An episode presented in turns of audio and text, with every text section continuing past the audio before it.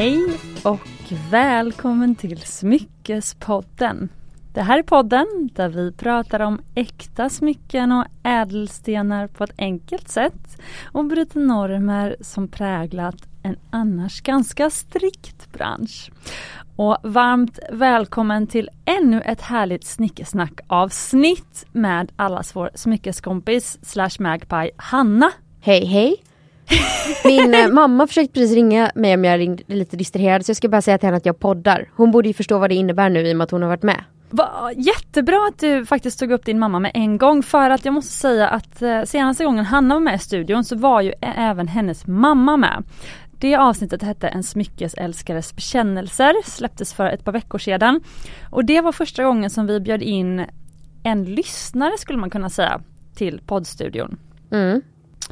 Och jag var lite nervös för hur det skulle tas emot. Eh, meningen var ju att vi skulle liksom få chans att snacka med någon som bara älskar smycken som är precis som eh, du och jag, alltså du och jag som lyssnar här. Eh, och eh, i och för sig, jag jobbar ju i smyckesbranschen så tanken var att det skulle vara någon som bara är intresserad av smycken så att säga, inte som jobbar i branschen. Och om det eh, gick väl hem så skulle vi då, eller så vill jag gärna bjuda in fler av er. Mm. Till. Fler skator till podden. Exakt, så jag har redan faktiskt fått DMs nu av fler som vill vara med i podden.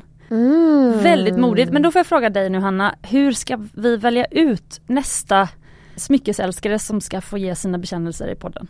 Herregud, det är typ som att vi ska ha anställningsintervjuer känns det nästan som. Nej, gud vet inte. Jag, jag har ju några som jag har tänkt att den här personen, bara genom hur de, det de berättar och hörs.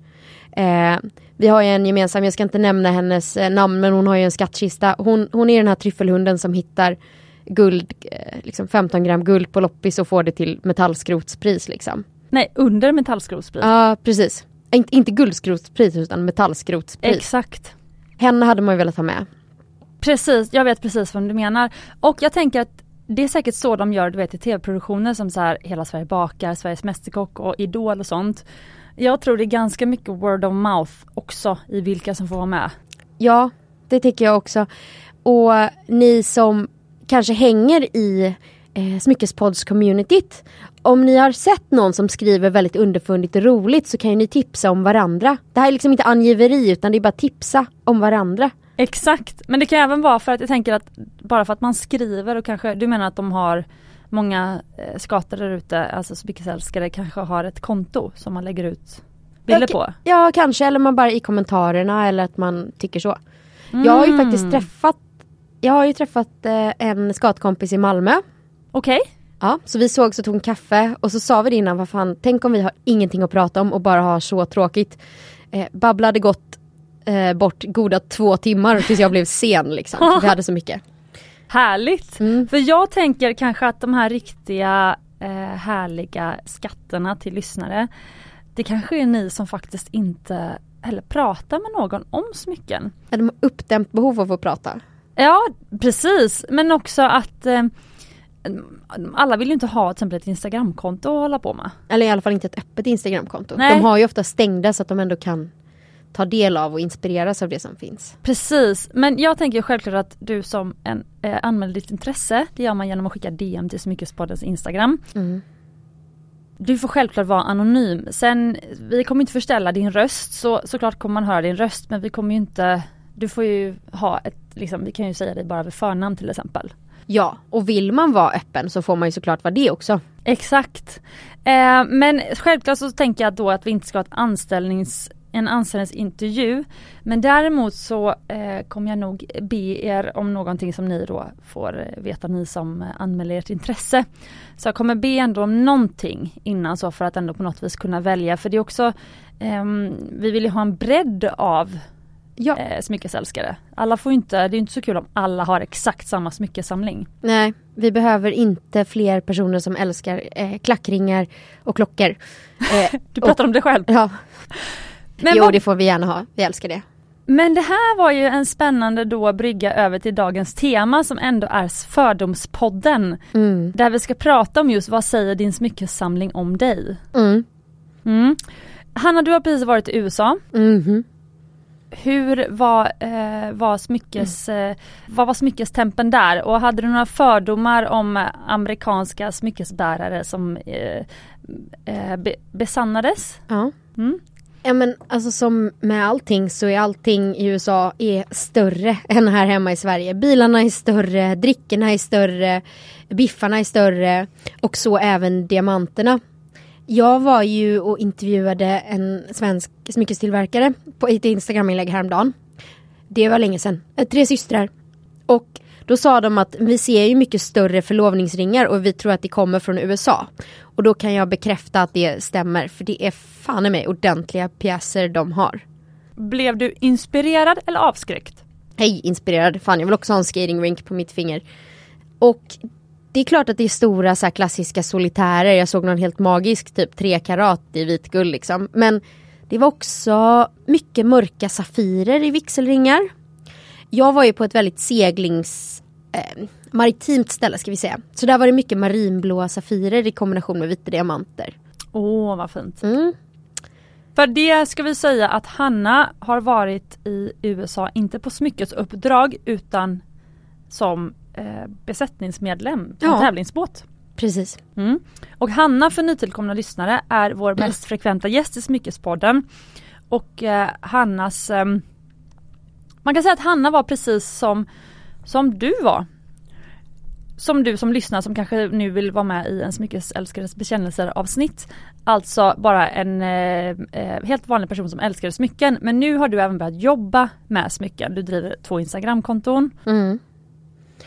Och så jobbar jag med att flippa vintage-smycken. Mm. Jag har faktiskt på mig en ny skatt idag, en liten pinky ring. Den var jättesöt, ser ut som en liten solitär faktiskt. Ja, och det är faktiskt en, en 0,25-karatare. Och det är lite roligt, nu kommer vi lite sidospår här, men i Fannys avsnitt så pratade vi om inneslutningar.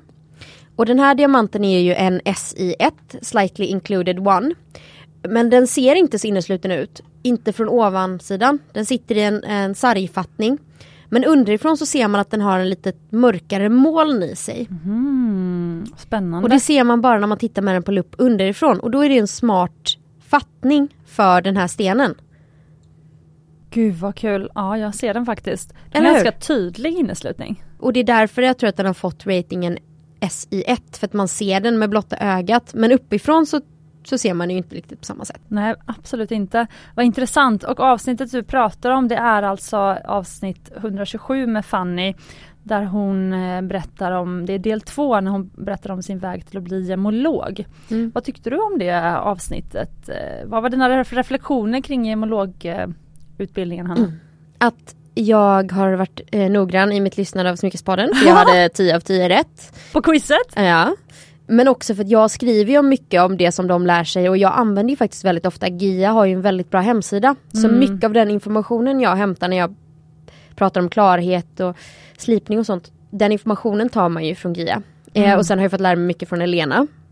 Har du köpt ett, en egen lupp nu så du sitter hemma och ändå liksom kollar på inneslutningen och så själv? Jag har faktiskt fått en lupp Oj! ja, av en juvelerare som jag jobbar med som eh, eh, tyckte att det var skam och skandal att jag inte hade någon. Så han gav mig min första lupp. Åh vad fint! Mm. För det är ju trots allt så man lär sig Ja, inom, genom att praktisera.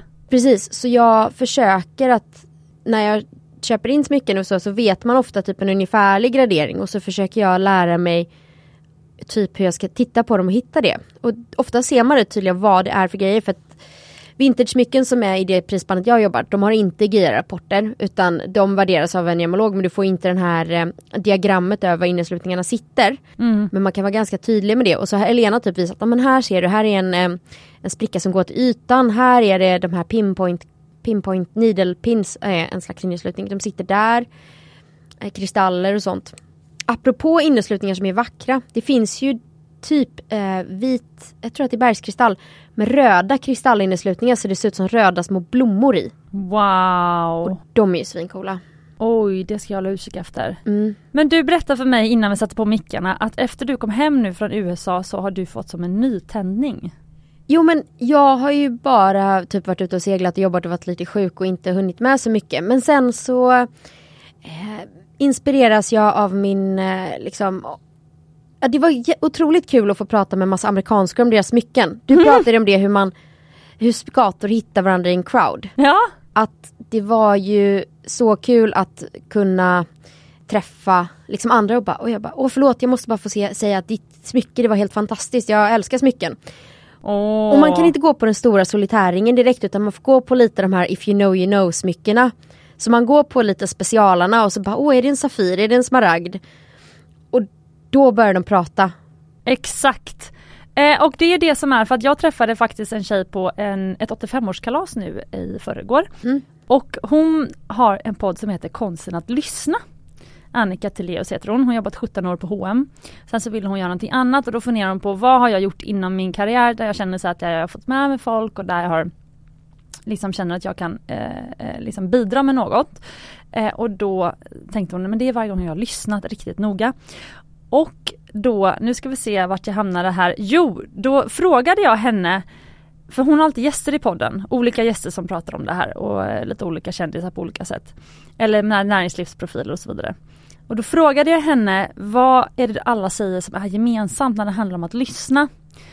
Och då sa hon att vara nyfiken och att ställa följdfrågor. Mm. Mm. Och då, som, så det är precis det, det är därför så många antagligen tycker om det då och vill prata om sin smyckesamling tänker jag då Hanna. För att du börjar med att ge dem en komplimang, det är Mm. så positiv affirmation. Och sen så eh, att du sen, det de sen berättar om, då ställer du, kan jag tänka mig, tio följdfrågor om det. Ja, minst. Eh, nu ska jag ta fram här våran plan Hanna. Mm. För att idag ska vi prata fördomar. Och du och jag insåg ganska snabbt att vi tänkte olika kring fördomar. Ja. Mm. Sen ser jag också så här, apropå Fannys avsnitt, där varken jag eller Fanny visste, alltså avsnitt 127, där varken jag eller Fanny visste vad som gör diamanter bruna. Så meddelade eh, Hanna med flera utropstecken på sms, kväve gör diamanter bruna. Mm. Så då vet vi det. Så det är egentligen en, en missfärgning, eller alla färger i diamantsten är ju missfärgningar men det är så här naturens sätt att skapa lite mer intresse genom att blanda i lite kryddor i mixen. Ja exakt, exakt. Jag säger det varje gång Hanna kommer till studion att jag saknat henne för att Hanna har alltså träffsäkra beskrivningar. Okej, men vi ska börja med att gå igenom det som har kommit in på Instagram. För det roligaste är ju alltid att utgå ifrån vad ni lyssnare har eh, för intressen. Och eh, Hanna, du ställde en fråga i morse. Nu, Mm. nu skriver Hanna febrilt i sin eh, anteckningsbok här. Ja men precis, att jag ska slippa att scrolla på Instagram i svarslådan. För Ja. jag, i morse, eh, så för att kombatera, säger man inte, kom, för att och försöka komma över, överkomma min jetlag så var jag på kontoret svintidigt i morse. Med mina mått mätt, jag var 8.20. Och på vägen dit på tunnelbanan så la jag upp en frågelåda på Instagram där jag berättade att vi skulle fördomspodda. Ja, får, får jag bara säga en sak att i Göteborg är 20 över 8 inte alls tidigt. I Göteborg skämtar Mm. man ju om stockholmare som börjar så sent på jobbet som aldrig är på jobbet förrän nio. Nej, nej Men- precis. Men mm, Men jag jobbar ju ofta till åtta på kvällarna så Ja. jag tänker att det får vara. ja. Och så skrev jag så här, vi kommer välja ut några smycken som vi har fördomar om, men är det några smycken som du vill att vi ska analysera? Och det rasslade till eh, på ett sätt. Så kul, jag älskar dina följare. Mm, det gör jag också. Många av er smyckespoddföljare följer ju Hanna. Ja. Och så då fick jag, och dels så fick jag faktiskt en omvänd eh, fördomsfråga. Och den tycker jag var väldigt rolig. Det var ju så här, vad bär tanter för smycken? Vad är tantsmycken? Och det är ju då inte vad säger smycket om dig utan vad säger din person om vilka smycken du bär. Och då tänker jag direkt, vi måste definiera vad är ens en tant? Är, är ordet tant en fördom i själva verket? Eh, jag tänker att det är en åldersgrej, att man går in i ett åldersspann. Jag tänker ju automatiskt att man är typ mormor farmor åldern. Okej. Så Kanske pensionerad. Ja jag tänkte det för att jag tror att min pappa blev morfar när han var 47. Är han då en gubbe då? Eller var han Nej då men en han är gubbe ju redan då? väldigt ungdomlig. Han kanske har andra gubb-traits men han är ju inte gubbe liksom. Nej nu är han ju 57 då. Ja, Mm. jag tänker att man vi nästan får vara så himla ung. Jag tänker att man nästan får vara liksom lite 60 plus kanske, så pensionsålder. Mm. Det kanske gör med pensionen istället. Ja precis. Man fikar mycket gör man. Mm. Jag kom på att han var 58 men strunt samma. Mm. Ja. Eh, Okej så tant är då pensionär. Ja, Okej, det då har vi tycker jag. definierat det. Mm. Men jag håller dock inte med för jag anser att man kan bli tantig redan Alltså, vilken, alltså jag anser att vara tantig är ett adjektiv för en beskrivning av en personlighet snarare. Tycker du att det är ett positivt adjektiv? Jo men det kan jag nog tycka, alltså jag själv är ju lite tantig på vissa sätt. Mm. Tantig slash töntig. Ja, Så. du gillar ju att fika, påta i trädgården och läsa Eh, psykologiböcker. Ja, baka småkakor. Ja. Mm. ja men det är ju så här mysiga mormors attribut. Men så att Björn kan säga att jag är tantig, hans dot- äldsta dotter som är 22 kan ju säga att jag är töntig. Tycker hon du är tönt? Eller tvärt, nej det är nog tvärtom, hon kanske säger att jag är tantig och Björn säger att jag är töntig. Ja, Fast han säger det med killar har kärlek. ingen koll. Nej. Nej. Men, men pensionsålder säger de. Mm. Mm.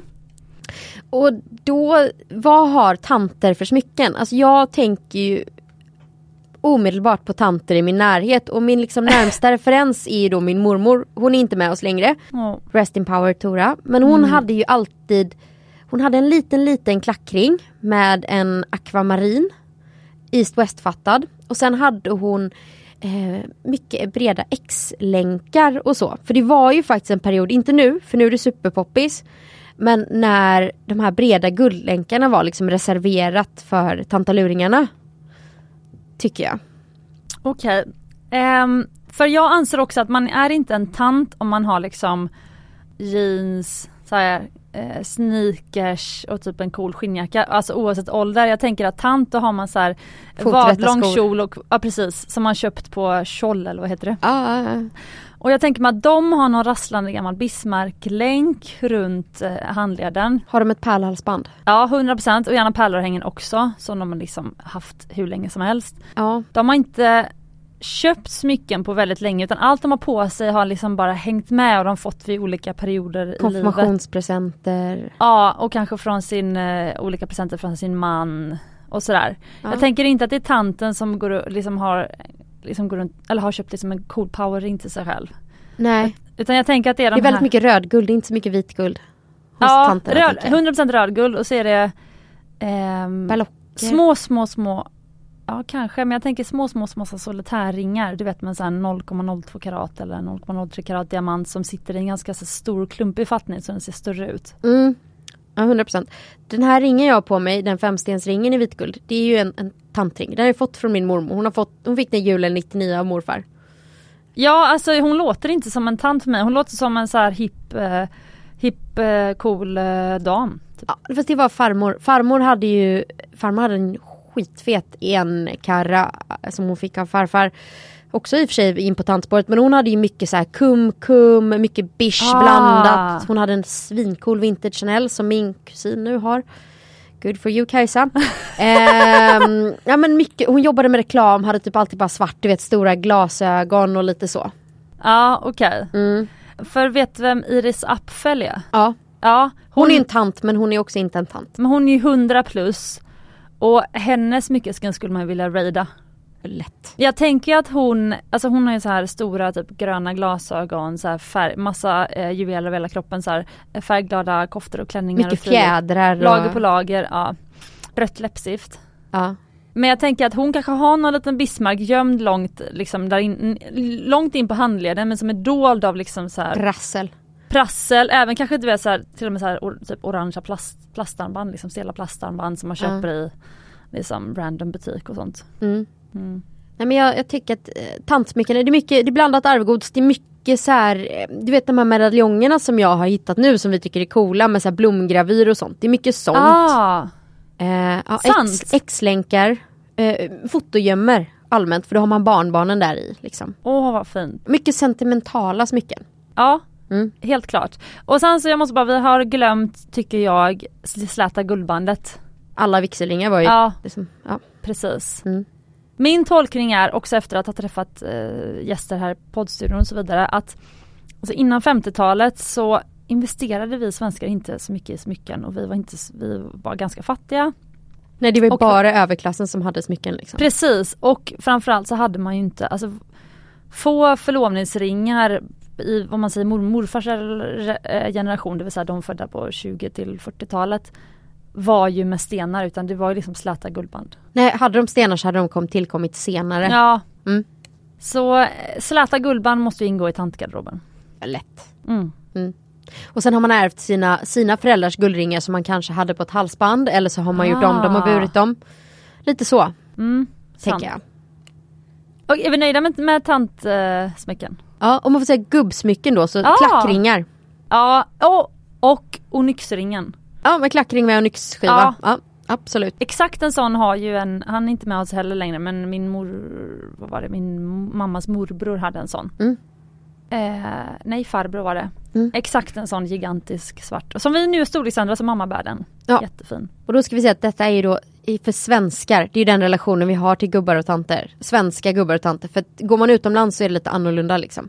Ja. Ja. Precis. Men det ska inte bli allt för långt. Nej. Så att, eh, det var den första. Så det var den omvända fördomen. Då vill jag bara fråga till lyssnare nu då, om du lyssnar som, som ställer frågan, hör det här.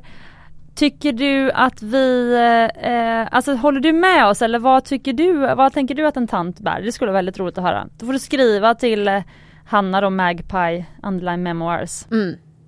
och skriva det. Vad du tycker att en tant bär. Jag inser nu att mitt nya handel är ganska likt i avsnittstiteln. Alltså en, en skatas memoarer. Det är liksom en bekännelser. Det, Ah, det- sant. jag, jag skriver mina memoarer i smyckesvärlden. Så vi är likare än man kan tro Hanna kanske? Ja, Mm. eller som alla andra som lyssnar på podden Ja, faktiskt vet. precis. Det är bara vi som är chocka- chockerade över det här. Mm. Eh, men vi har ju fått lite fler eh, smyckeslänkar och jag tänker att vi har touchat på det. För nu har vi ju, jag fick en fråga på eh, fördom mot de som bär Bismarcklänkar. Mm. Har du några immediate fördomar om Bismarcklänkar? Mm. Jag vill ju skjuta över den här på dig men eftersom du hann först så svarar jag. Då tänker jag att just Bismarck har jag typ ingen fördom om. Förutom att antingen har man ärvt den eller så fick man den i konfirmationspresent. Mm.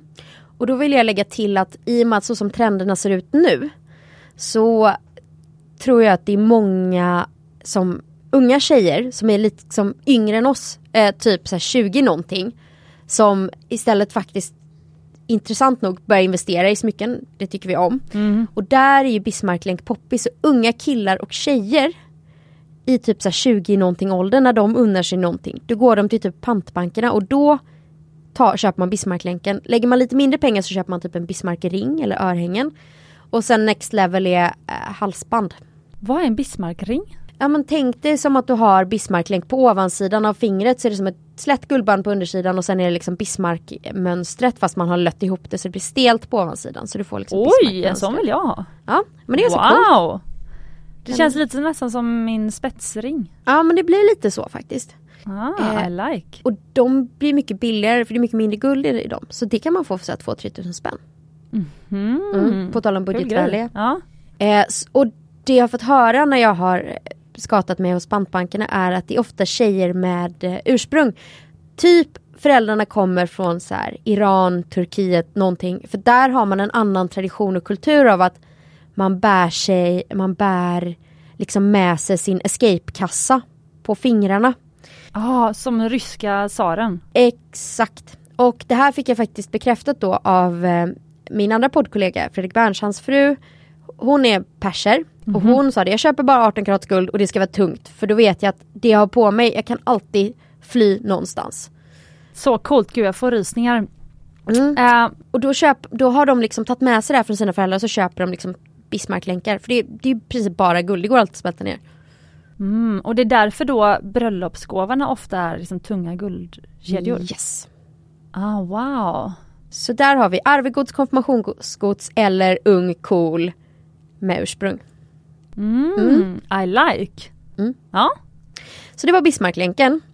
Sen har vi ju en väldigt, eh, någon som broderade ut sin eh, shoutout. Hon har faktiskt eh, precis fått en valp. Så det här är från Julia som precis har fått valpen Pia. Mhm. God. Också storhunden Penny. Så vi, vi gillar ju hundar här. Mm. Eh, hon frågade om pärlörhängestjejen och då sa hon, men det är den här personen som bara bär pärlor och endast pärlor i öronen. Alltså inte har någonting annat. Utan vad har vi för fördomar om tjejen som, du vet, det är pärlörhängen, det är ingenting annat.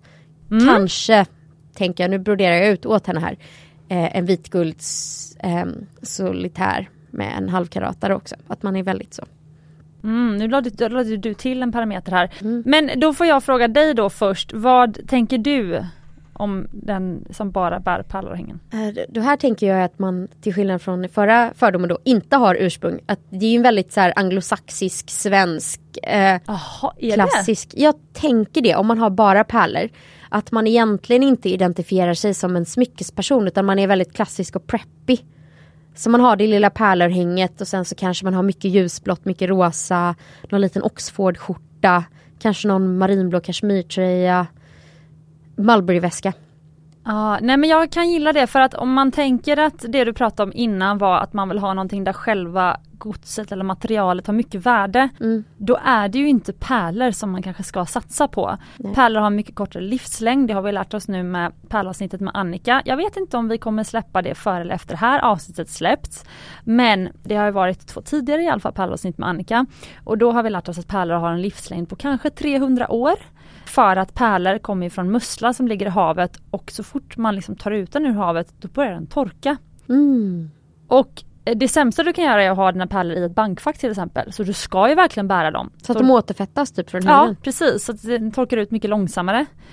Eh, Annika beskriver det som att om man trycker på en torkad pärla så kan den i princip bara liksom helt gå sönder. Åh nej. Eh, men så att pärlor är ju på det viset ingen investering. Eh, förutom då, jag måste ändå säga för att eh, Annika har berättat om att det finns ett hav kring Bahrain. Det här jätte... Eh, här, Rika landet Ja. i Mellanöstern. Ja exakt. Och där dyker man fortfarande efter äkta pärlor, alltså pärlor som man av en slump hittar i vilda, Mm. vilda om det är musslor eller ostron. Eh, har glömt bort. Eh, men så där tror jag att alltså de här riktigt äkta pärlorna behandlar man ju som om de vore en fin diamant. Alltså så. Ja men det är de ovanliga, Bara- där det är ju precis. sällsyntheten Precis, så nu drog jag det här eh, minoritets... Eh, undantaget som ja, bekräftar regeln. Ja, undantaget precis. Ja. Men annars är ju generellt pärlorna på marknaden idag inte alls lika dyra som varken guld eller andra ädelstenar. Nej. Men Mm. vad har du för fördomar om pärlbäraren? Jo men jag råkar ju veta då, det finns ju bara en kvinna i min närhet som ba, enbart bär pärlörhängen och inga andra örhängen och det är ju din mamma Hanna. Mm. Eh, men Ingrid är för mig absolut inte den typiska eh, pärlbäraren. Vi kom också fram till det var för att hon inte hade några ordentliga diamantörhängen. ja, jo men det är också någonstans, jag tror också att Ingrid eh, vill, alltså lite som du berättade med mullbärarväskan och den här, lite i och för sig bekräftar hon min fördom om att min fördom mot pärlor är den, den som, det är samma person som när jag gick ut Handels. Mm. Jag pluggade för, för ja, drygt 15 år sedan. Eller jag gick ut Mamma för ju nio också år sedan, just det. Ja hon har ju också gått Handels, precis. Eh, och när vi slutade i alla fall och folk skulle börja jobba då klippte tjejerna av sig sitt hår till axellångt hår. Mm. Många köpte en mullbärarväska och sen gick man till sitt finans eller konsultjobb. Och då kan jag tänka mig samma veva då köpte man också eller eh, bar sina pärlörhängen som man fick kanske också i konfirmationspresent eller examenspresent. Och sen kanske de pärlorna sitter på där tills man förlovar sig, gifter sig och sen så kanske man får i mor- morgongåva ett par diamantörhängen. Då byter man ut dem. Ja, och sen har jag också, det handlar ju någonstans om att så här, pärlörhängen det är fortfarande classy, det är stilrent. Men det är ingenting som är extraordinärt. Nej Eh, man, man riskerar ju inte att, eh, det är ingen nagel i ögat på någon. nej precis. Och att man har en ganska strict dresscode, det passar ändå in. Precis, passar in överallt, exakt. Du ramar ändå in i ansiktet. Men så tänker jag också att man köper typ en klassisk sportklocka i stål. För det är inte så här något extravagant som sticker ut heller. Men man ska ändå ha en fin klocka för männen har ju det. Som är lite, det är okej att investera i en sensible men dyr klocka. Alltså en hållbar bulletproof klocka men som ändå är dyr. Mm. Så jag tänker typ någon så klassisk liten Rolex, eh, kanske någon Tag Heuer. Jag fick faktiskt en request om att väva in klockor i det här så nu tänker jag att det är samma person som köper det här. Ja ah, vad härligt, jag tyckte det var skönt att du inte vävde in klockor i det här avsnittet. Men då kommer jag väva in lite kläder nu då. Ja, gör det. Jag har ju ett, ett specifikt klädintresse. Jag tänker att motsvarigheten i klädväg, Är det en blå kashmirtröja? eh, ja skulle kunna vara, men en svart kostym från Filippa K. Ja, verkligen. Och kanske någon, någon liten eh, ordentligt eh, blus från The Shirt Factory typ. Ja, exakt. Mm. Är vi nöjda där? Ja, det är vi nöjda. eh, så det är pärlörhängstjejen. Och du som ställde, du som bad oss fördomar om den här, gå loss med fördomar om den här om pärlörhängen. Du får gärna också skriva in Mm. vad dina fördomar är. Ja, Du får vara anonym. ja. Mm. Eh, och för sen så tänker jag att vi har fått eh, fördomar också om folk som bär pärlhalsband. Eh, och här tänker jag att det beror lite på kontext för jag tänker att det beror på hur man kombinerar sina pärlor. För man kan absolut ha en liten pärla i en ear stack och då blir det någonting helt annat. Är du med ja, mig? Ja absolut. Men nu också, jag tycker också pärlhalsband, vi nämnde det lite grann i avsnitt, nu det senaste avsnittet med Annika. Som jag vet, inte vet om det är släppt än. Men ja, vi får se. Jag refererar till det ändå. Jag pratar om något som jag illustrativt bara kallar för Instagram pärlhalsband. Ja. Eh, du vet typ om, Annie Jewels. ja, jag vill ju inte nämna olika varumärken men, men det, finns ju även, det. det finns ju även danska varumärken, det finns amerikanska varumärken men alltså, Instagram bara spottar ut sig reklam. Alltså, och det här kommer vi prata om i ett kommande avsnitt faktiskt. Ja det kommer vi faktiskt göra. Eh, Mm. Så, så då kommer vi prata om faktiskt just specifikt influencersmycken och, och sånt. Mm. Känns som att det är på tiden. Ja. Eh, men, eh, men den här, eh, eh, ens feed på Instagram är ju väldigt mycket reklam hela tiden. Mm. Eh, och då är det ju väldigt, om man, har, om man följer ett enda smyckesmärke då sen får man ju bara upp massa smyckesreklam. Jo. Och väldigt mycket är ju på så här, pärl, små tunna pärlhalsband, små tunna pärlarmband som man ska stacka. Och det är ju, eh, det har ju pågått i flera år, det har varit jättetrendigt, speciellt bland Är det danskarna. inte typ plastpärlor också som bara är täckta med ett litet tunt lager pärlemor? Det är liksom pärlmotsvarigheten till guldpläterat. Kan mycket väl vara så. Mm. Eh, kan mycket väl vara så. Eh, men det kan också vara en blandning av togo beads och sånt som faktiskt är bara plast. Mm. Eller glaspärlor eh, till, till sådana som är lite mer ja, Riktiga. riktiga odlade pärlor då. Men som då är antagligen väldigt låg kvalitet. De odlade pärlorna, det finns ju också första, andra, tredje, fjärde, femte handssortering liksom. Mm. Eh, men så att den typen av trendiga pärlhalsband är ju en helt annan typ än den som har köpt ett för det vi också lär oss i, i det andra avsnittet är att, eh, eller avsnittet med Annika, det är att ett sånt pärlhalsband du köper hos en juvelerare. Mm. Det är ju små knutar mellan varje. Mm. De pärlhalsband som nästan varenda ung tjej eller, eller inte, man behöver inte ens vara ung. Eh, vi är inte unga längre tyvärr. Eh. Medelålders. precis. Ja. De är ju bara trädda, det är ingen knut emellan. Nej. Och för någon som kan pärlor, de gråter ju inombords när de ser pärlor som bara hänger och dinglar mot varandra. Mm. Så jag, bara, det finns ju två olika typer av Jo pärlhalsband. men om vi nu tänker riktiga pärlhalsband fast som man bär i kombination. För jag, Med knutar emellan. ja, jag har ju en, du och jag, vi, en gemensam följare. Hon har både Mumbai och pärlor och hon, hon brukar ha på sig sina riktiga pärlhalsband men hon jag vet att hon ändå identifierar sig som en liten rocktjej. Hon är nu vuxen och har eh, riktigt ordentligt jobb, jag ska inte säga för mycket. Men eh, hon har, försöker kombinera sina pärlor med, då har hon alltid svartmålade naglar och typ någon svart diamant till sina pärlor för att liksom mixa upp det lite. Jag har ingen aning om vem det här är men jag älskar det. Ja, ja men eh, du kommer veta vem det är men jag, jag kommer berätta det sen. Mm. Så får vi se om, jag tror inte vi ska outa henne men jag Nej. tror att hon har Mumbai förlovningsringar. Mm. Åh vad kul. Ja. Eh, så att, och då tycker jag att man kan, det kan, man kan göra det som ett anti-statement liksom. För att vara, liksom, och då tycker jag att man är riktigt smyckesintresserad om man väver ihop den här mixen av grejer. Lite Jenny Fredriksson-viben att man tar allt möjligt, plockar ihop det till en cool kombo. För det kräver lite skill att liksom få in pärlorna på ett schysst sätt. Ja, jag tänker faktiskt att alltså en fin fördom jag har mot de som bär pärlhalsband det är att alla är smyckesintresserade. Pärlörhängen kan du bära utan att vara smyckesintresserad. Mm. Men pärlhalsband, oavsett vilket det är, om du har köpt det lite som de här instagramhalsbanden som jag pratade om som är bish och som är liksom Ja nu vet jag vad det är, nu visar du. Mm. Fint. Ehm, så att pärlhalsband oavsett om du bär det lite som bish jag berättar faktiskt att eh, nu eh, Louise, min syrra, har ju, jag, jag eh, hjälpte henne att trä om sitt ska vi säga bijouteri trä- pärlhalsband med så här riktiga knutar. Ah. Eh, så att det blev som ett lite mer riktigt pärlhalsband. Mm. Eh, för att hon älskar ju det så mycket. Så, så här, men hon är ju smyckesintresserad. Mm. Men även de här som bär liksom äkta gamla, liksom lite större pärlhalsband kanske med 5-6 millimeters pärlor. De tänker jag är smyckesintresserade. Jag Ja. vet inte, det är bara, jag bara har en sån känsla. Mamma har ett jättefint pärlhalsband som är varannan svart och varannan vit och det är så långt att du kan ha det två varv eller så går det ner som ett långt halsband. Mm. Svartvita. Sjukt snyggt.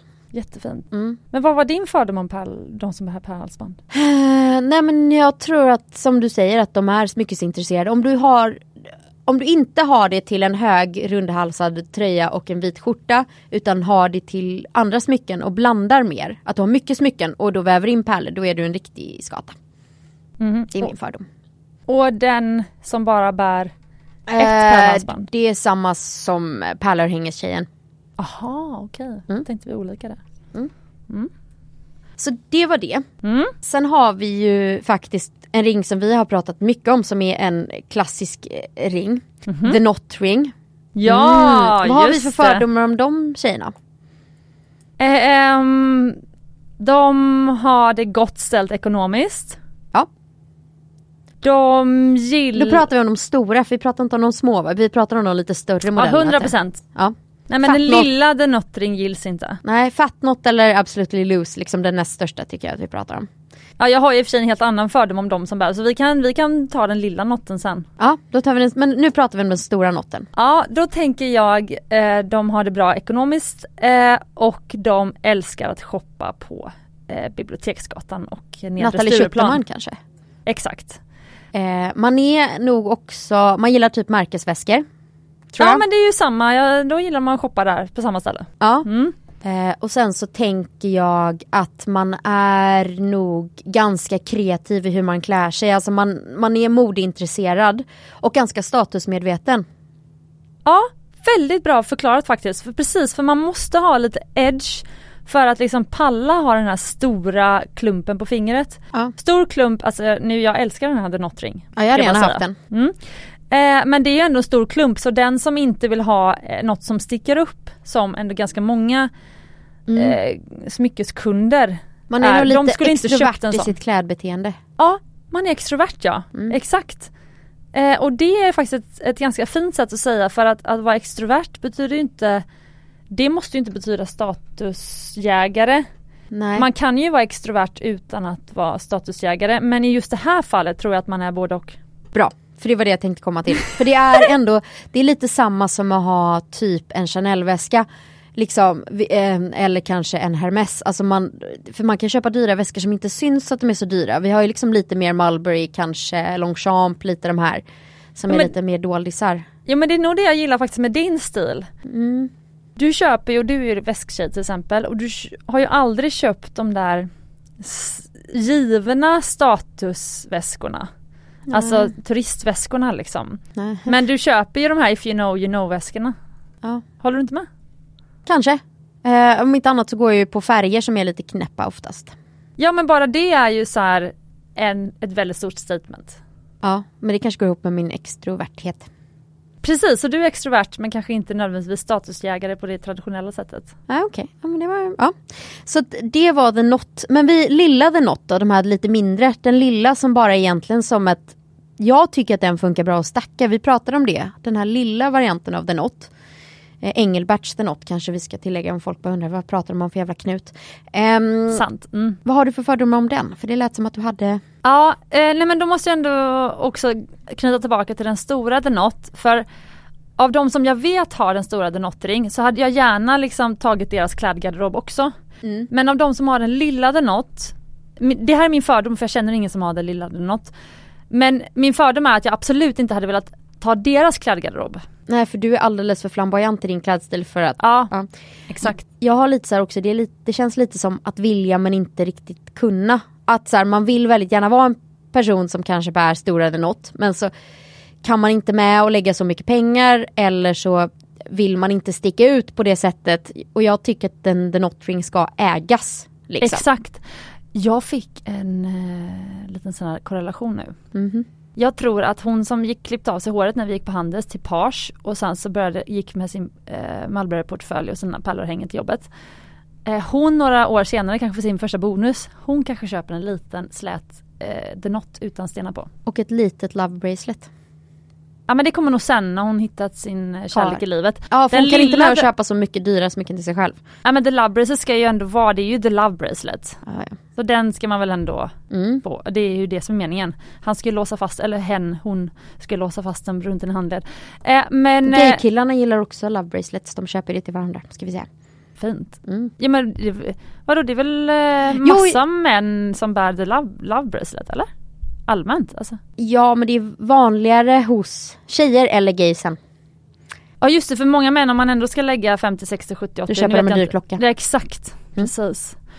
Vad kostar ett love bracelet nu? När, när Eh, mellan, mellan 60 och 90. Ja okej. Vilket är helt bananas för vad det är. Det kostade 50 för några år sedan. Men, eh, men The Not-ring, den lilla The Not kan jag ändå se då att det skulle vara den här tjejens första powerring faktiskt. Okej. Ja, men Vilket, köper jag. vilket är fint. Ja. Eh, Har de den slät eller med pavé? Slät. Okej. Ja för hon vill inte att det gl- Jo i Norge så har hon en glitterring. Mm. Men i Sverige så är det utan glitter. Okej. Taget. Mm. Ehm, och sen fick vi ju en, ett smycke som jag faktiskt gav till dig sen. Så vi sparar här, den här eh, fördomen om den ringen. Nu håller Cecilia på och fladdrar med massa grejer om ni undrar varför det låter. Ja, jag, Eh, men jag fick ju en, en fråga från eh, Sanna, min poddpartner eh, om Klockpodden. Eh, för hon är egentligen inte en smyckestjej. Jag jobbar på det. Faktiskt. Jag tycker att hon har ändå en del coola smycken för att hennes eh, eh, bästa kompis eh, ex var smyckesdesigner så hon har fått liksom ganska mycket bra grejer. Hon har bland annat du vet Superman esset med Åh. pavédiamanter i öronen för hon heter ju Sanna, Super-Sanna. oh, I love. Och sen har hon en grön turmalin i sin vigselring, en trestensring. Så det är coolt. Mm. Hon Eh. låter ju som en smyckestjej. Men, Ja hon mm. bara vet inte om det ännu. Nej precis. Mm. Så att hon kommer komma över till den ljusa sidan. Mm. Eh, hon frågade om Laponia som är finska silver och bronssmycken. Nu kommer Cecilia få googla här. Men du jag vet nu precis, alltså gud vad kul för att det här är ett smyckesmärke, jag måste bara dubbelkolla så att det är det. Ja. Men som, eh, alltså jag skulle, jag har en släkting vars smyckes, hon ärvde smycken från sin mamma. Ja, och För så min då, fördom är att det är den smyckesintresserade kulturtanten som bär det här. 100 procent! För av, jag skulle, jag skulle ju då göra typ en Carolina Victoria värdering. Mm. Carolina och Victoria på Jewelescape. Det var ett tag som de var här i podden men de kommer snart tillbaka. Ja det hoppas jag verkligen. Ja, ska bli kul. Då ska vi prata Vea Bolin faktiskt, gamla svenska smyckeshuset. Ja, kul. Jättekul. Där har Elena jobbat också. Mm, Okej, vad kul. Ja, men väldigt många duktiga personer har jobbat där. Mm. Ja. Och Eh. väldigt många fina smycken har kommit därifrån. Ja, exakt. Men jag skulle i alla fall göra en Carolina och Victoria och jag skulle värdera eh, min släktings då, smyckesamling och se vad skulle liksom, vad ska hon behålla, vad kan vi smälta ner, vad är äkta stenar, vad är inte äkta och så vidare. Mm. Väldigt roligt för övrigt. Eh, och hon hade också gått till en eh, guldsmed, det var faktiskt lite kul och, få, och liksom, då hade jag få, fått värderingar från den guldsmeden också så skulle jag bara göra liksom en crosscheck. Mm. Eh, men då var det just de här, då hade hon ju ärvt ett set med ett Laponia, alltså det ser ut som, jag kan inte beskriva det som annat än silverfladdermusar som berlocker. Ja, ja. Alltså det är så, Det är mycket organiska former, det är mycket vågor, trädstammar, mycket textur. ja men alltså det är så finskt. Alltså nu har jag ju hängt i Finland för att Björns, Björn är halvfinne. Eller halvt finlandssvenska så eh, Och alltså jag, alltså det är så typiskt finskt det här. Men jag var såhär, är du kan, viking-vibe. och de är så jättedyra de här smyckena. Ja, för att det är som en sån här sjuk grej att Ja, de, de som samlar dyra. på det är supernördiga. Det är ungefär som de här som samlar på, du vet ett visst porslin eller så. Hamnar du rätt i, i värdering, går du till en pantbank får ingenting för det. Nej, Hittar du rätt samlare så. får du hur mycket som helst. Precis, för problemet är att vikten är liksom ingenting i jämförelse Men det är silversmycken också. får, nej men det här var vitguld. Jaha. Alltså får du det Får du rätt handlare att se din auktions liksom, annons så kan du komma upp jättehögt. Så nu skulle faktiskt min släkting prova att lägga ut det på något auktionshus.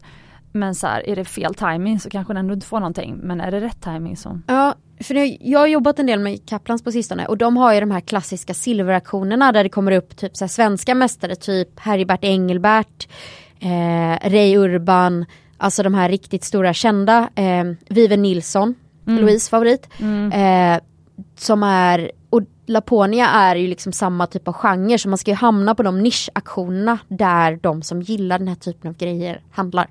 Exakt. Eh, smyckesintresserade kulturtanter, det är de man vill åt. Ja. Mm.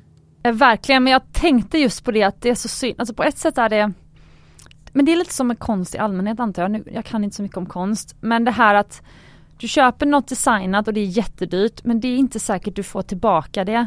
Alltså jag förstår varför man, om man har x antal tusen att lägga på ett smycke, varför man då köper Love Bracelet för då vet man i alla fall att man får tillbaka pengarna. Mm. Eh, det, Men det, tänker inte kulturtanterna på. De köper ju för att de älskar den här designen tänker jag. Men de tänker också, nej men jag älskar det så jag kommer få tillbaka pengarna. Alltså de har en, jag tror att de har en ingen självinsikt. Nej men jag skulle formulera det som att de har en övertro på second hand-marknaden. Okej. Tror jag. Mhm. Men det är bara fördomar det här. Ja. Mm. Nej men för köper du ett, ett standard, en guldlänk så är det så här och du köper en second hand då får du ju typ alltid tillbaka pengarna nästan liksom. Om, Går guldpriset upp så får du tillbaka pengarna, går guldpriset inte upp så tappar du lite för att det är hanteringsavgifter från auktionshus och pantbank typ. Exakt, Men du har ju fortfarande rätt mycket guld. exakt. Mm. Och eh, det är lite som om du ska köpa en Vespa på Blocket. Köp inte den orangea utan köp den röda. Så att liksom köp den the safeguard liksom. Ja. För att få tillbaka pengarna för annars måste du hitta någon igen som kommer vilja ha en limegrön Vespa eller någonting sånt. Mm. Mm. Men nu, så den sista eh, fördomen som jag också, det var också från Sanna. Och jag tror att det är för att de har fått in rätt mycket sånt här på auktion. Kul att du outar henne. Får, vet du om att du får outa henne? ja men henne vet jag om att jag får outa. ja bra. Eh, jag skulle ju faktiskt vilja bjuda in henne till podden så vi kan övertyga henne att bli en smyckesgäri. Ja vad kul. Ehm, men om, man inte, om hon inte kommer hit så kan man lyssna på när vi har fördomar om klockor i, vår klockpodd.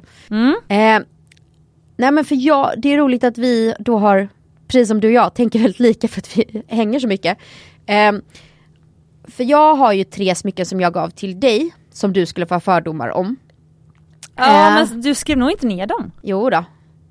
Det gjorde jag. Jo där är de ja. Mm. Ja kul. Precis. Och det här är ju då, vi kan ta det här först. Mm. För det här är ring från Bulgari.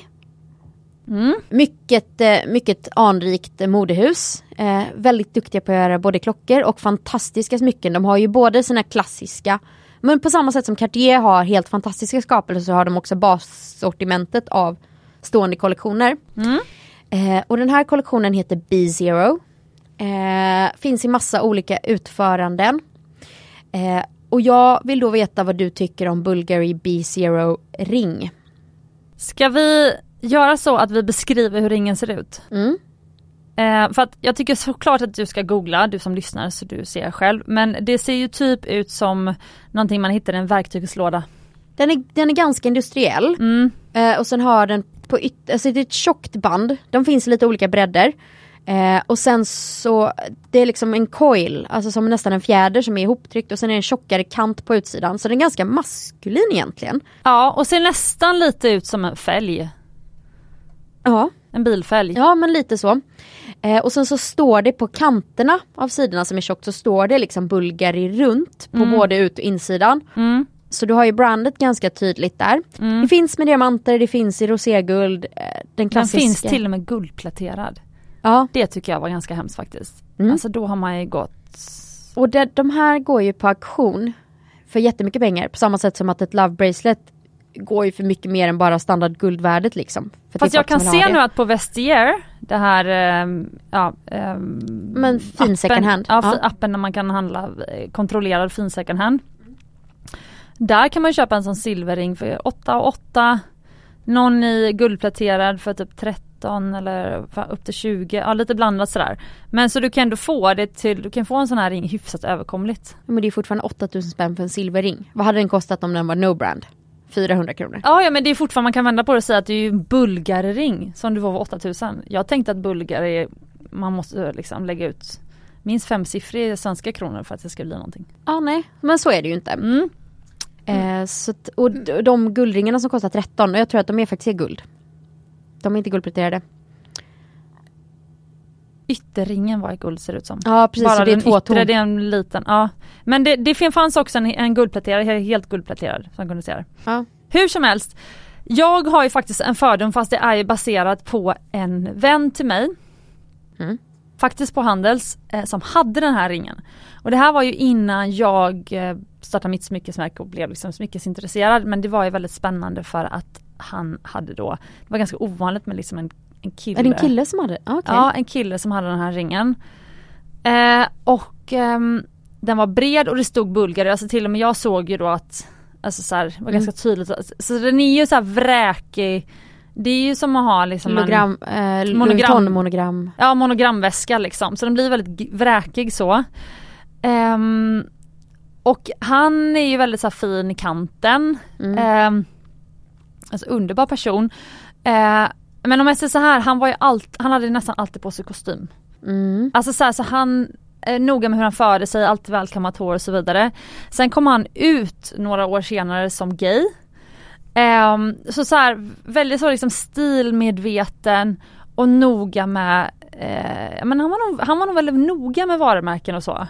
Och för mig har han då blivit, för jag har tänkt på den här ringen sedan dess och när du sa det här Bulgari B-Zero så var jag så här, det måste ju vara hans ring och så googlade jag och så var det ju det. För jag har en liknande, jag har en killkompis som alltid när vi gick i grundskolan, han ritade alltid och då hade han typ såhär Canada Goose-väst, han hade typ alltid ett Gucci-skärp. Han hade också, han hade Canada Goose-jacka den här killen. Ja. Uh, och uh, kom från Östermalm och satt och ritade typ outfits och då var det ju typ såhär dieseljeans, det var, men det var väldigt mycket det här ljusrosa blå. Sen så gick han vidare och gick på Beckmans och är nu huvuddesigner på Totem och har ju oh. skalat ner sin style till otroligt mycket coolare. Men jag tror bara han inte hade riktigt Men ja, då han var det har testat olika identiteter. Ja, men han var ju, och han har faktiskt, bara faktiskt också mycket smycken. Ehm, Kul, jag vill träffa honom. Mm.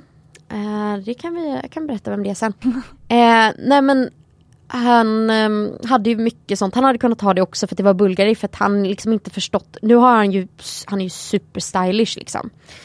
Uh, men tror du han bär fortfarande den här Bulgari B-Zero eller har han sålt sin ring? Jag tror Nej alltså hade han haft den så hade han sålt den för nu har han gått på något coolare liksom. Fast jag kan nästan känna så här, hoppas han bär den för att det är lite som så här Björns tribal tatuering, alltså så här, så man får liksom en liten historik, var kom du ifrån liksom? Ja precis. Ja, men, vad, vad, vad var din past? Så jag tycker nog att så här, det är en väldigt kul, alltså till, nu kan jag känna så att om han då är en totemkille mm. Alltså då blir det ännu ballare att han har den här, jag skulle, kunna tänka mig att han har den här B-Zero på eh, pekfingret. Nu, jag, nu vet jag inte om han ha, hade en B-Zero men han hade passar in i stereotypen. Jaha, ja. jag förstår, okej. Okay. Mm. Ja men då hoppas jag att han har det. Mm. Och att han bär den till sina totemkläder. Mm. Han har ju faktiskt, Totem har ju en liten fårskinnsjacka för damer som han faktiskt har själv nu som en killjacka. Och han har mycket svart, alltså han är ju designer, mycket svart. Eh, innan Alexander Wang blev cancellad så var det mycket Alexander Wang, han har också jobbat på Dagmar. Om det ja, men jag tänker mig att han, om han bär smycken kommer han bära typ all blues ja, ringar liksom. Och då kan jag känna så här, snälla hoppas han har en så hamrad all blues ring. På Kanske ena handen. en liten Cartier Panter i, i vitguld ja, skulle kanske. också. Ja men på andra handen ska han då ha den här bulgarringen. Mm. mm. Okej. Okay. Sen fick jag till smycke av dig. Eller ska jag Ska vi riva oss igenom de här? Jag får ja, vara lite som, snabb. Som, som jag har fått till dig då. Ja. Så nästa ring som, eller nästa ring var det väl inte? Nej. Utan jag gav väl dig Alhambra, gjorde jag inte det? Ja. Och då pratar vi såklart Van Cleef Arpels. Mm. Eh, då kan man lyssna på avsnitt om Carolina och Victoria mm. av Carolina och Victoria om Van Cleef Arpels om man vill höra mer om dem. Mm. Men de har ju också i sin standardkollektion Alhambra. Mm. Och Alhambra är, eh, det är fyrbladiga blommor med eh, antingen typ så pärlemor, malakit, eh, onyx och så sitter det med en kedja emellan, sitter en ny blomma och så sitter det kedja emellan. Finns både armband, halsband, örhängen. Väldigt så här recognizable på håll.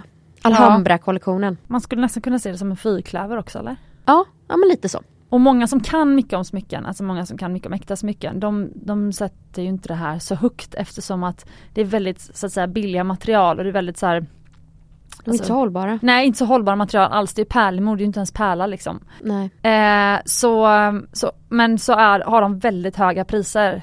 Fruktansvärt. Eh, så, och jämfört med andra smycken som kan kosta lika mycket men när det är liksom diamanter och safirer och så. Mm. Eh, men det är ju en väldigt, ja som du säger, tydlig design som man känner igen på långt håll. Vilket gör att de kan ta mycket betalt för det. Vilket mm. ju är väldigt smart Eh, att man skapat en sån ikon. Eh, jag kan ju för lite, alltså jag ska vara ärlig och säga med det att jag har aldrig sett någon bära de här smyckena in real life. Min för... Många i USA hade dem. Ja, min fördom är nämligen att det här är typ Riviera-smycken. Mm. Allt som man bär dem nere i Europa. Ja, eller typ New York, Newport där jag var i USA. Ah, det är inte okay. så, det är ingen svensk, de har inte kommit ännu liksom. Nej men jag tror, jo men jag, finns de inte på NK? Eh, Nej jag tror inte att du, jag vet inte om van Cleef har butik här. Jag vet inte men eh, tror du att de ens kommer, jag tror inte att Men det är lite som Goyard, du, du måste köpa dem utomlands tror jag. Jo men jag tror inte att vi vi har kommit för långt för att bli så lättlurade, den svenska liksom äkta smyckeskonsumenten. Att vi är, alltså vi svenskar är så praktiska. Ja. Vi kommer ju liksom inte... Okej så fördomen är att man är lite opraktisk och bara inte bryr sig så mycket om det är hållbart eller inte. Ja, man är, det är väl någon övre, övre medelklass eller, eller överklass överklassmycken som bärs i då kanske USA och nere i Europa. Mm. Kanske. Och, och så väldigt så här flickig stil. Mm. Eh, Ja, och kanske har man ett tennisarmband och gärna en Hermesväska till, tänker jag. ja, faktiskt. Mm. Kanske det faktiskt. Mm. Ja, så skulle det kunna vara. Mm. Men så har man det liksom, det är inte ett varje dagsmycke. Jag tänker att man har sitt Alhambra där som man, eller så här cocktailhalsband. Mm. Alltså så att man har det väldigt gott ställt så man behöver liksom inte alla äkta smycken man köper måste inte vara liksom här, varje dag eh, smycken. De finns ju med bara där, där fyrklöverna eller blommorna faktiskt är i guld med en liten diamant i. De är ju mer hållbara då. Ja det skulle kunna vara ett varje smycke. Mm. Det kanske någon Det är också köper för typ malakitgrejerna är ju helt omöjliga att få tag på. Det är ju väntlista på dem liksom. Coolt. Ja.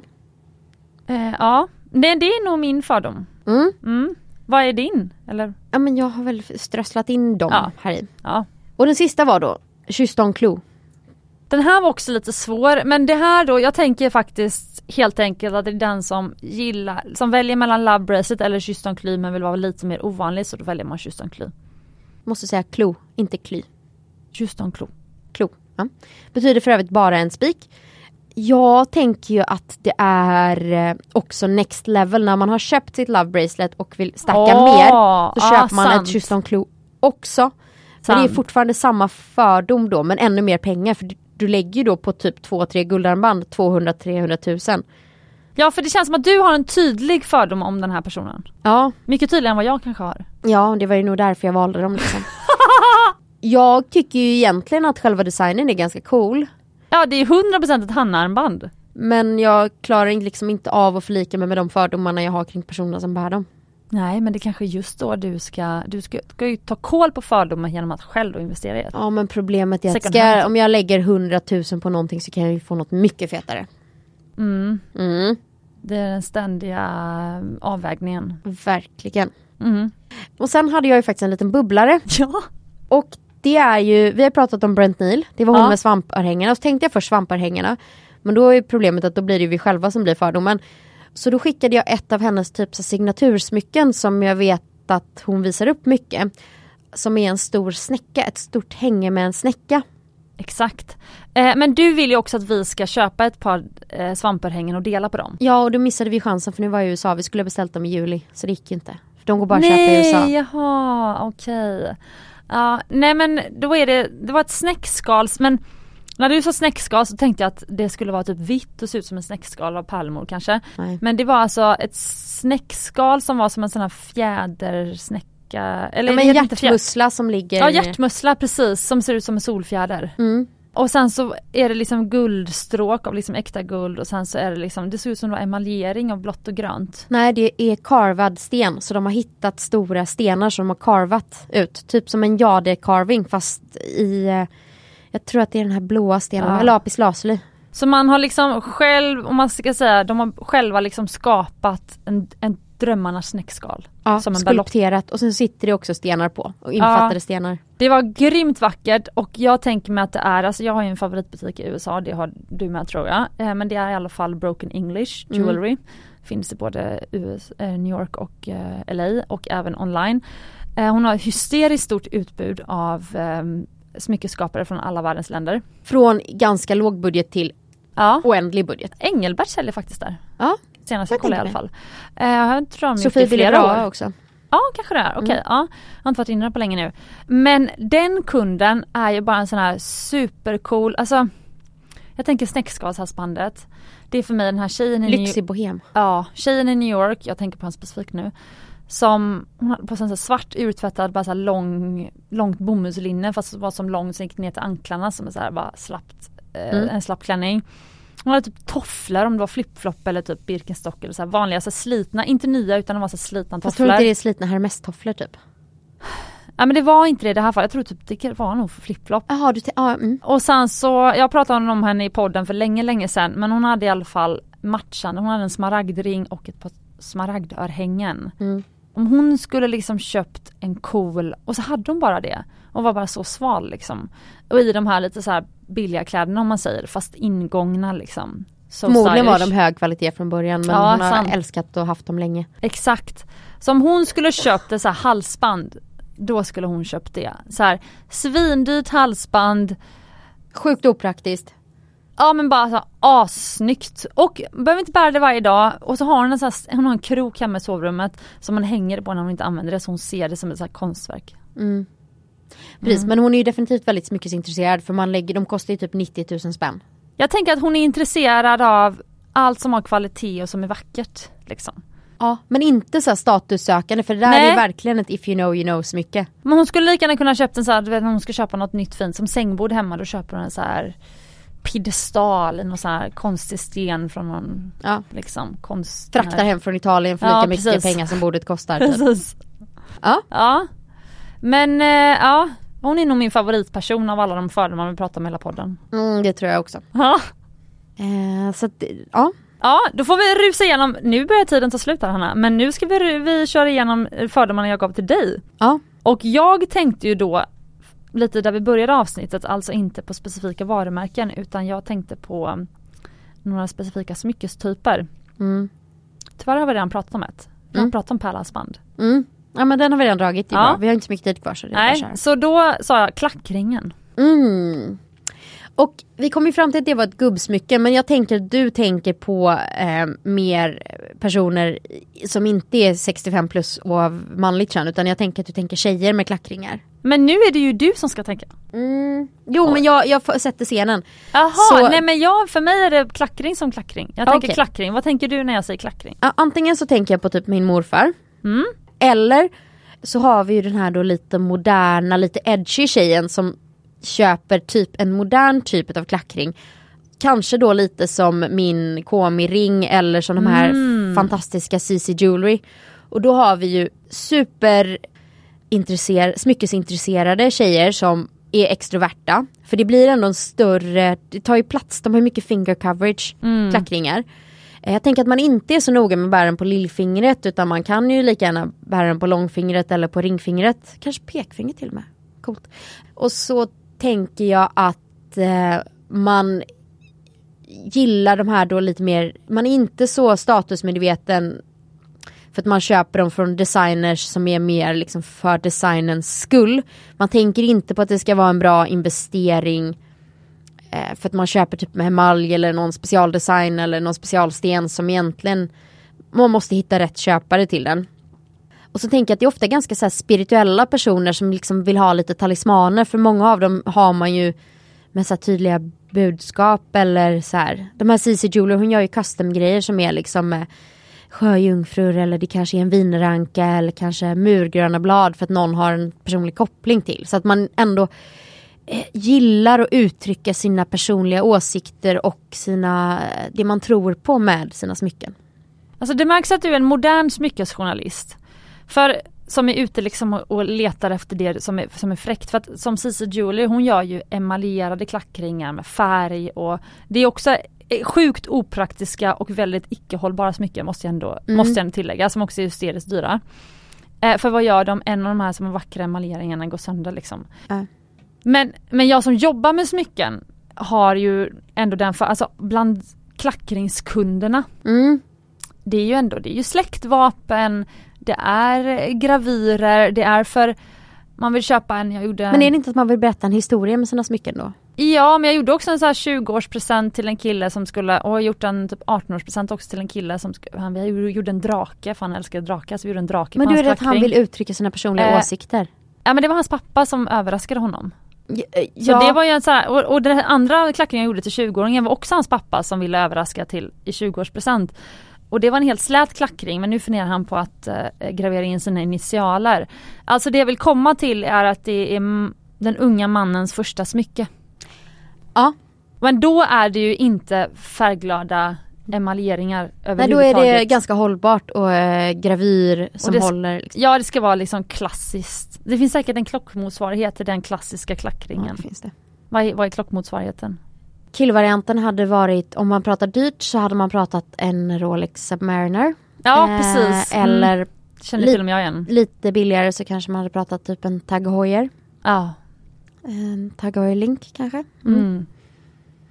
Mm. Eh, så men, men den, den, den som du pratar om, kunden som köper den här svincoola nya moderna klackringen som är de här på, mm. trendiga på tapeten. Det är ju kanske på andra änden av skalan, alltså den icke-traditionella. Alltså för klackringen för män är för mig då lite som pärl, pärlörhängena för ah, kvinnor. Okay. På, på, ett sätt. Men det är också väldigt ja. överklass killar som har klackringar. Det är ofta så här, det kommer ju från folk som har haft släktvapen och sånt. Typ adelsgrejer och så här adelsnissar du vet som har ett gods och sen går på handel och sen går tillbaka och så springer de omkring i gröna jaktkläder på helgerna. De har ju mycket klackring. Ja det är ju den tredje personen skulle jag säga, eller fördomspersonen faktiskt. Ja, för det är också ett smycke som är socialt accepterat Exakt. om du har lite heritage att bära.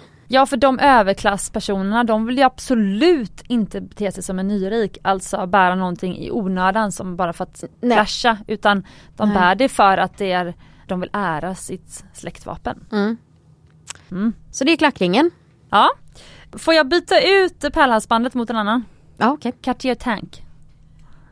Okej. Okay det här beror väldigt mycket på vilken tank det är. För du har ju tank på stållänk och så har du tank på läderband. Ja, tank på läderband framförallt. Men du får gärna breda ut på båda. Okay. Uh, eh, antingen så har du ärvt din uh, farmors uh, gamla tank som du har. det är väldigt mycket fashionabla killar som har det som har lite mer dressat till typ kostym. Och då är det väldigt fashion killar som är ganska säkra i sig själva. De har liksom storkukslugn. De behöver inte ha en stor urtavla. En stor urtavla och 300 gram rostfritt stål utan de, kan, de är säkra nog i sin sexualitet och femininitet vad nu än den må vara att bära en liten guldpläterad tank. Mm. Eh, tjejer som köper tank nu och framförallt nu om man köper dem nu då är det liksom man vill helst ha en Panther men du har inte riktigt råd så då köper man en tank. eh, jag tror faktiskt inte det stämmer. Nej. Jag tror inte att alla som gillar tank gillar Panther. Nej okej, okay, men det är mina fördomar nu. Ja, förlåt. Jag respekterar eh, dem. Men sen så tänker jag också att det är också en instegsklocka för folk som är otroligt accessoarintresserade men som kanske inte är klocknördar men som ändå kommit fram till att man kanske vill testa och egentligen bara få en anledning att köpa mer accessoarer. För den bär sig nästan som ett litet armband. Och den är ju fruktansvärt bekväm. Ja. Det alltså tank med läderband bara smälter in i huden. Mm.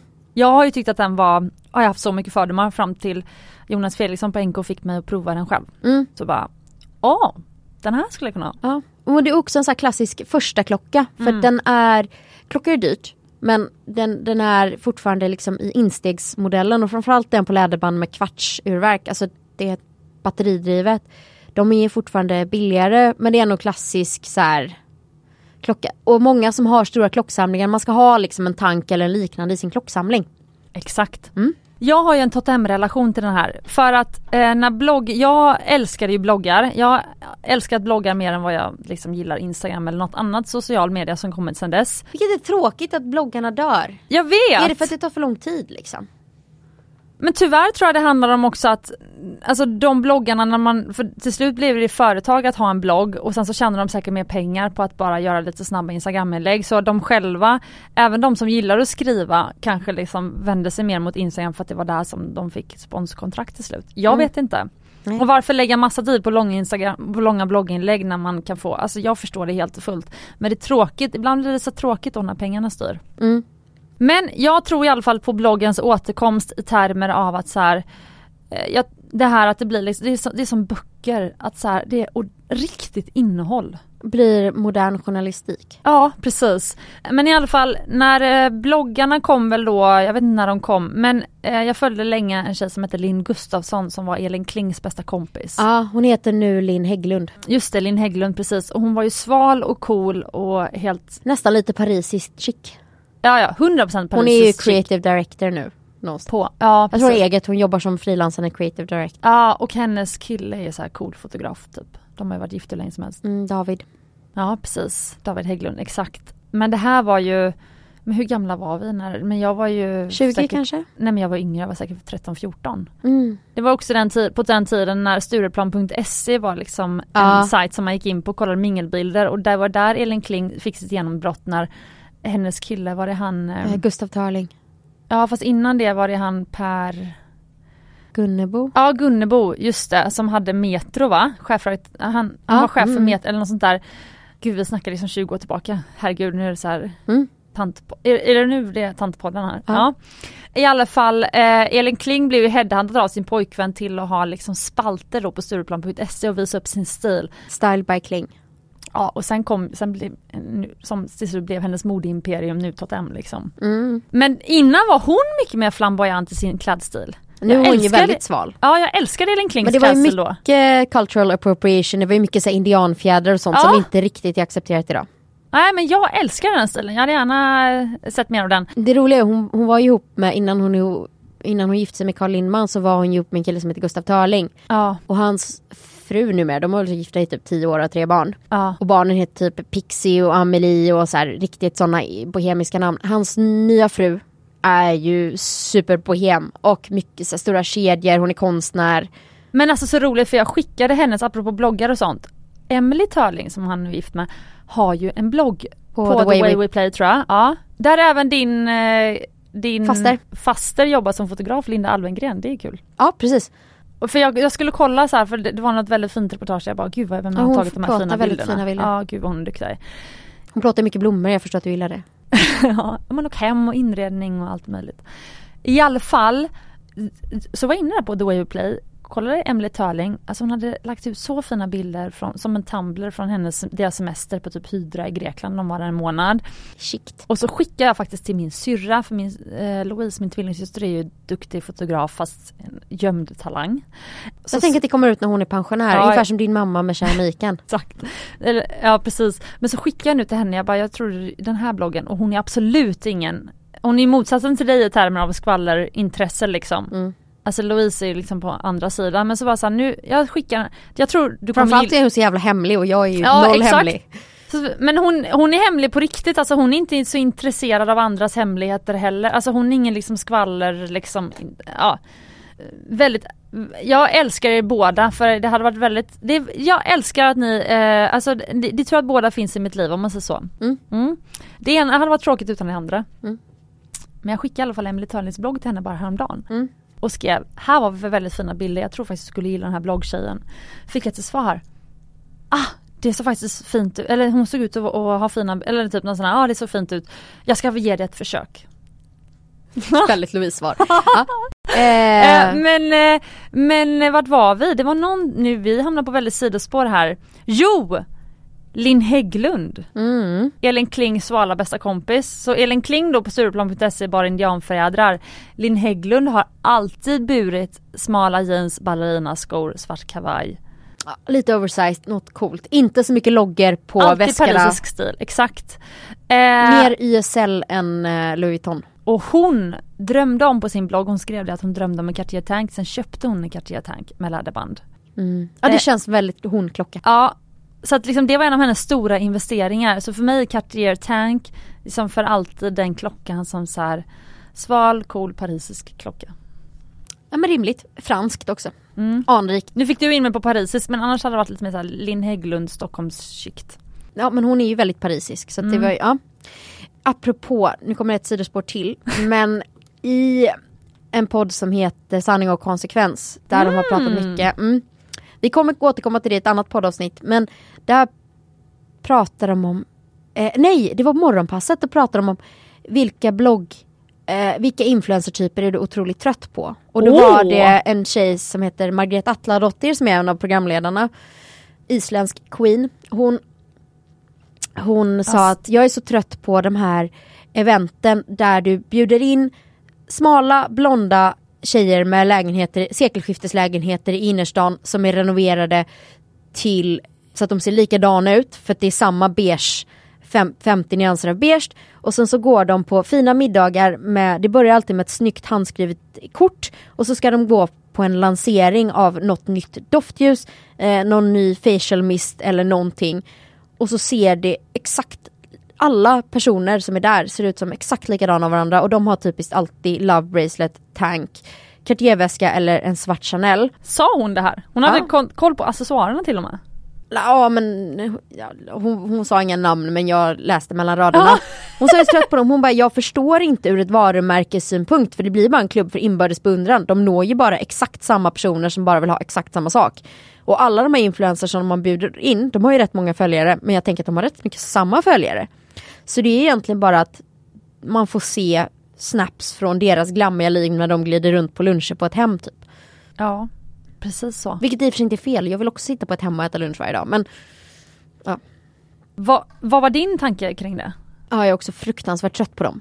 Vad hade du velat se istället? Ja, men jag, hade ju, jag tycker att de roligaste influencersarna är ju de när, innan de blir för stora, innan de börjar tjäna för mycket pengar. De som verkligen har ett hypernischintresse och som skriver längre och som gör sin research och som vågar sticka ut. och som har en lite annorlunda stil så att man, det är tydligt att se vad du vill och vad du tänker och varför du är unik. Jag håller med och jag får lägga till en grej. Jag vet inte om det här ingår på din lista men de som fortfarande har någon form av spärr. För ibland sådana influencers, kanske framförallt på Instagram som har liksom levt ganska mycket på, eller de märker att Alltså de, de delar ur sitt liv, något härligt, de kanske bakar eller de gör något annat. Men sen så märker de att de inläggen som de får mest like och spridning på är de där de börjar ranta om någonting som någon orättvisa som de har märkt i samhället baserat på något som hände just den dagen till exempel. Och sen så lägger de ut med jämna mellanrum lite sådana här rants och så får de massa kommentarer på det. Och sen så blir det liksom snarare så här, går över mot rant inlägg, rantkonton och mm. till slut och så handlar det inte längre om vad det var som de skapade eller vad för kreativitet som de liksom blev kända för från början utan det, till slut blir det bara politisk rant. Eller politiskt på olika, helt olika låga och höga nivåer måste jag ändå säga men de har jag slutat följa. Mm. För att jag blir så här, men, men, men, men ha gärna en spärr liksom. Mm. För att det blir mer och mer och mer kladdigt och personligt och jag vet, inte, jag vet inte om du känner igen det här? Jag känner igen det. Jag gillar ju det lite kladdiga. Jag är ju verkligen så skvallrar av mig. Eh, men eh, jag kan tycka att det blir tråkigt när de har för många spärrar också. Att det bara är samma, samma lika. Ja. Eh, jag, fick, eh, jag blev lite distraherad nu för jag fick faktiskt ett, ett eh, meddelande eh, live från personen som vi pratade om som är hon tryffelhunden. Oh. Hon, hon har ju sparat till tennisemman längre och nu har hon köpt ett. Oj vad spännande. Ja. Gud vad kul. Ja. Kul att hon delar det med dig. Ja. Men vi måste sluta nu, vi blev ett långt avsnitt. Mm. Eh, hoppas att ni tyckte det här var kul. Mm. Fördomspodden, jag tyckte det var jätteroligt att spela in. Mm. Och tycker man om fördomar så kan man ju faktiskt lyssna på den riktiga fördomspodden som heter Fördomspodden. Som Jaha, jag finns det en fördomspodd? Jajamän, det är en oh. av mina favoritpoddar. Vem har den? Han heter Emil Persson, han jobbar på Caféinen och så eh, typ han intervjuar folk han inte känner men hela intervjuformatet är att han har en fördom om personen utan att ha gjort för mycket research. Han bara tittar på dem och så säger han att du är en person som absolut somnade på morgonlektionerna i skolan. Därför satt du alltid längst bak. Och så får personen bekräfta eller dementera. Men han är väldigt förnulig i hur han formulerar sina fördomar. Gud vad kul. Det låter som vi ska bjuda in honom hit kanske. Mm. Mm. Är det något du vill avsluta till eh, lyssnarna och säga? Ja, har vi någon kul eh, blingcheck på dig? Jaha, ja vad kul! Ja, gråa diamanter Hanna. Mm. Här är nu Det känns som att det har du haft några gånger nu men vi har inte pratat om det och du verkar tycka om det. Ja, Så nu är det verkligen. cementerat. Ja, alltså gråa diamanter är ju de, jag väljer ju salt och peppardiamanter, alltså diamanter med inneslutningar, vita diamanter med inneslutningar, så, så många inneslutningar att de till slut blir gråa. Så när vi väljer bland alla salt och peppardiamanter som finns där ute så väljer jag de som är gråa. Och jag känner att jag har fått en till nyans av I paletten? Ja, exakt så. Och en sån här neutral färg, alltså nu pratar du om inredningsbloggarna och deras beiga väggar. Men det finns ju trots allt en, jag menar vi många trivs ju i att ha lugnt omkring oss när vi kommer hem. Och jag trivs med att också ha lugnt omkring mig bland alla mina färgglada ädelstensmycken. Kanske så att de färgerna poppar lite mer? Exakt! Så jag har bytt ut, nu har jag en chokladdiamant på mig också. Men annars är det vitt, massa gråa diamanter lite enkla guldringar helt utan stenar med min, jag har graverat min hunds namn och så har jag en lila en lila radiantslipad Safir också. Mm. Så jag har en fy, fyra ringar i en stack på höger ringfinger. Sen har jag fyra ringar fördelat på tre fingrar på vänster. Men sen så har jag mitt nya pärlhalsband. Mm. Mm. Du som inte gillar pärlor, gillar du det här? Jo men jag gillar visst pärlor. Men jag gillar dem när de är lite gråa, lite större. Ah, ja. Eh, jag ska säga att Annika tycker kallar det här för dagishalsband. Mm. Det är alltså pärlorna är 2,5 mm i diameter och det är som en choker och jag älskar det. Mm. Känner mig som en prinsessa. Ja, ja men jag, jag köper det. Mm. Har du någon kul blinkcheck? Eh, nej men det var ju den här lilla nya Pinky-ringen som jag är väldigt eh, förtjust i. Den ska ju få hitta ett nytt hem. Eh, sen har jag en liten sorg. Jag hade ju ett, en, eh, ett svart diamantörhänge som jag tappade i USA som jag måste försöka ersätta. Men det är vet, lite sorgligt. Vet du vad man säger? Nej. När man tappar ett smycke så var det dags att gå vidare. Mm, Okej. Ja men jag får, eh, jag får prata med Emma som gjorde det så får jag skaffa ett, Jag tror att det blir ett likadant till med, med vita diamanter. Emma Engelbert. Ja. Så kul. Ja. Eh, så det har jag på Eller mig. tråkigt att du tappade det men Men Sen har jag ju faktiskt på mig en pekfingering apropå det här blåa och vita. Så jag har ju en Mm. pekfingering med päronslipade blåa, mörk mörkblåa safirer och en vit diamant i mitten som är lite tjockare. Som jag är väldigt förtjust i. den är jättefin. Den har du haft här i studion tidigare. Mm. Jag kommer lägga ut lite på Instagram får ni kolla där. Nu är tiden absolut ute. Tack snälla Hanna för att du kom hit. Ja, och följ oss båda på Instagram. Eh, Ja, exakt. Smyckespodden Mm. för podden där man får eftersnack och diskussion. Mm. Eh, och sen kan man följa mig på att magpie understreck memoirs. Och Skatans skatter. Mar, uh, magpie understreck marvels. De är länkar, hittar man till det ena så hittar man till det andra. Ah okej. Så Jag det står i, i bion liksom. Ah, gud vad smart. Mm.